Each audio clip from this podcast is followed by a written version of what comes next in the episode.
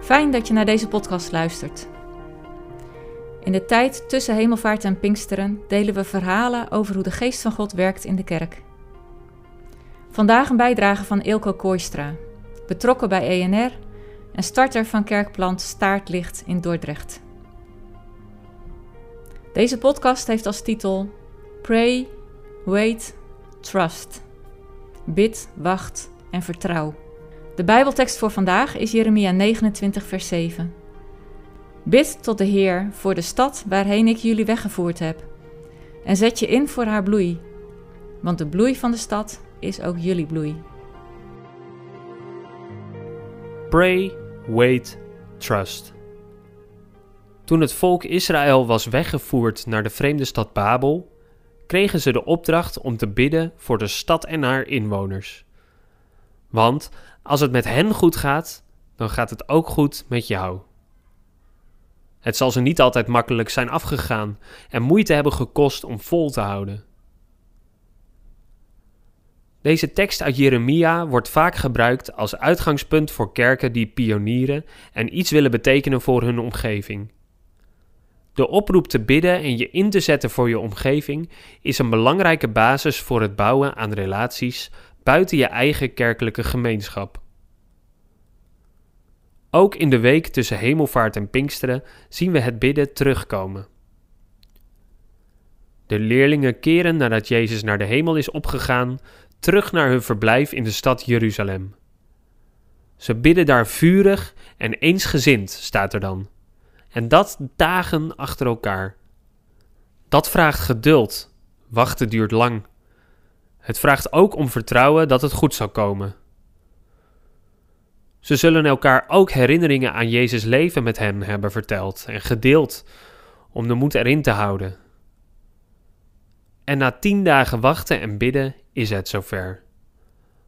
Gods geest daalt neer en iedereen wordt ingeschakeld als getuige van het evangelie. Als wachten wordt beloond, helpt dat.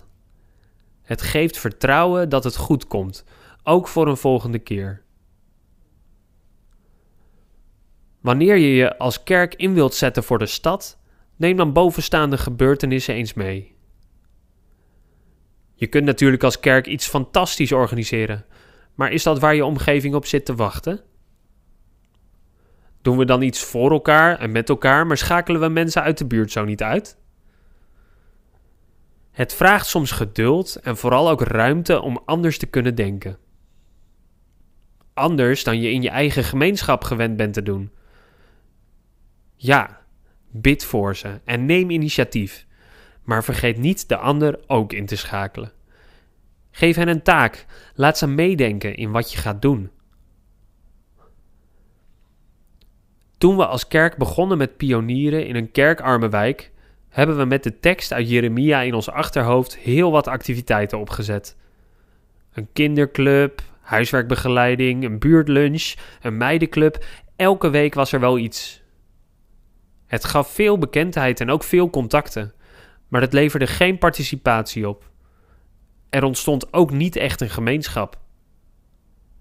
Na de coronatijd zijn we met nieuwe energie gestart. We laten nu veel bewoners meedoen in de activiteiten. Soms komen ze zelf met ideeën. Of ze vragen zich af: gaan we met Pasen ook weer wat doen, net als met Kerst? Zo schakelt de geest mensen in bij het bouwen aan dit stukje koninkrijk. Het vraagt wel om een hele andere manier van naar mensen kijken.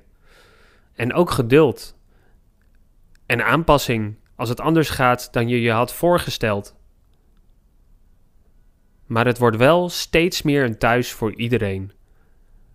Een plek waar je terecht kunt voor gebed en vertrouwen als dat nodig is.